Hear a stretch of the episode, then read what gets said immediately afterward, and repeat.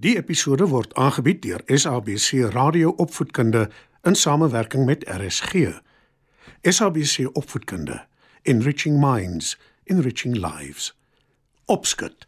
Skryf nader en kom luister en leer saam.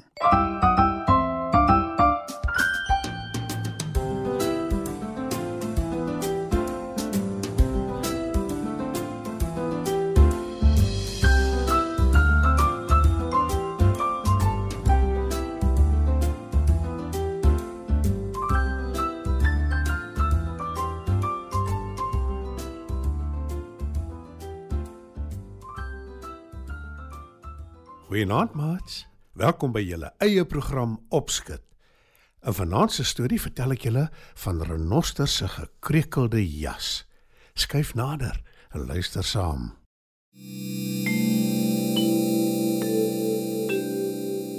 Maats, julle het seker al almal 'n renoster gesien. As dit nou nie 'n lewende lywe was nie, dan dalk in 'n boek of op televisie. Het julle opgemerk hoe dik en vol voue en kreukels 'n renoster se vel is? En as julle gelukkig genoeg was om renosters in die natuur te sien, sou julle dalk ook opgemerk het hoe hulle teen bome skuur. Hoekom dit so is, is nog een van die legendes uit Afrika. Lank, lank gelede, toe dinge baie anders was in Afrika en op die hele aarde, het renoster 'n vel gehad wat styf gepas het. Eintlik was dit meer as 'n vel. Dit was 'n soort jas sonder 'n enkele kreukel of vou daarin. Renoster kon die jas uittrek want dit het onder sy lyf vasgemaak met drie groot knope. Die renoster waaroor ons storie gaan, was 'n wyfie renoster. Sy het op 'n afgeleë plek gebly naby 'n rivier. Ons storie begin met 'n man, 'n nomade.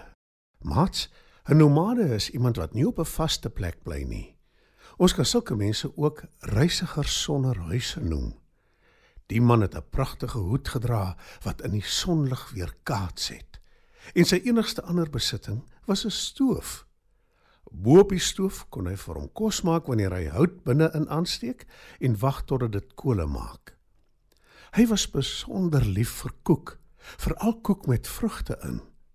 Op 'n dag het hy genoeg meel en suiker en droë vrugte om 'n eislike groot koek te maak waaraan hy dae lank kan smil.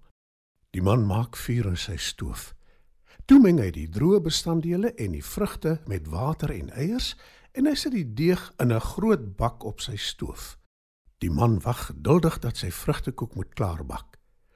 Toe laat hy dit afkoel voordat hy daarvan kan eet. "Ryk dit nie heerlik nie?" sê hy in sy skik vir homself.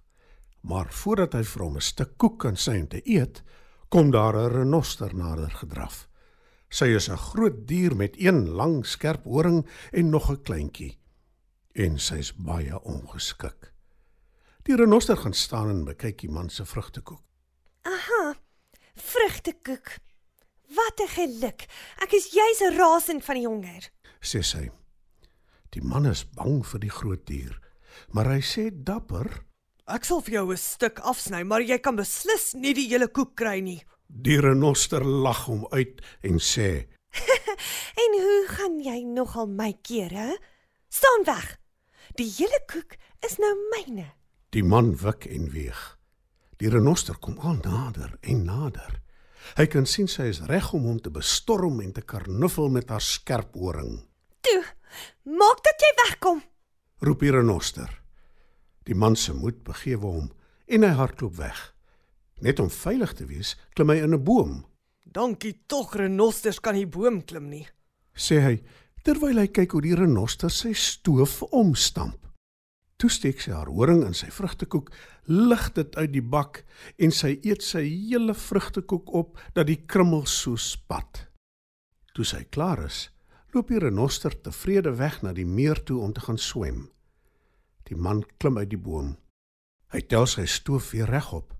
Hy tel ook die leë bak op waarin die vrugtekoek was. Toe sê hy wrevelrig: "Straf moet jy gestraf word, jou nare nare renoster.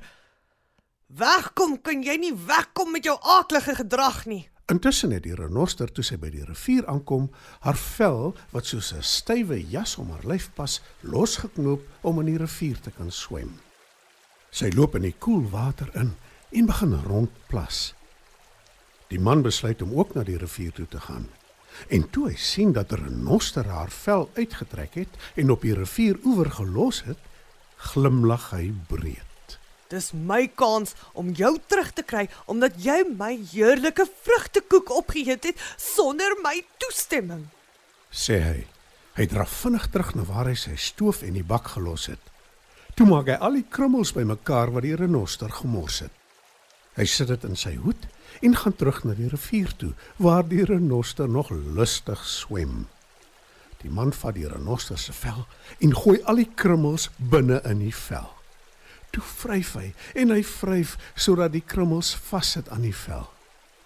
Na ruk hoor hy hoe die renoster uit die water klim en hy maak vinnig spore.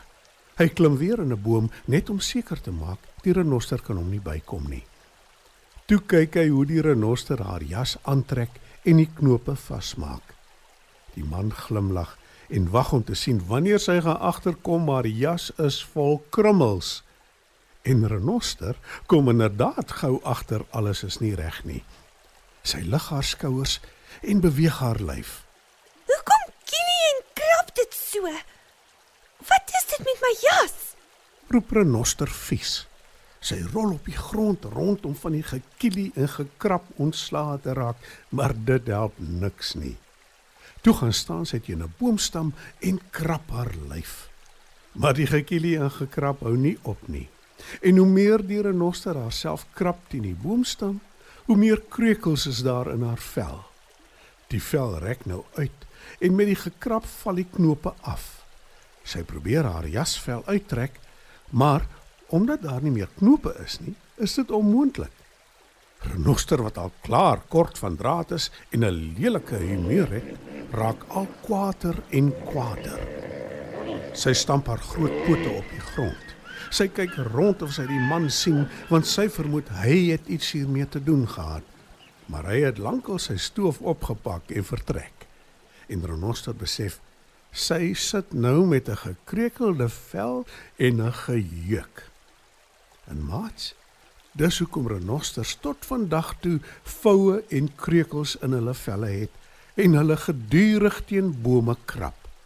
En dit alles vir 'n gesteelde vrugtekoek.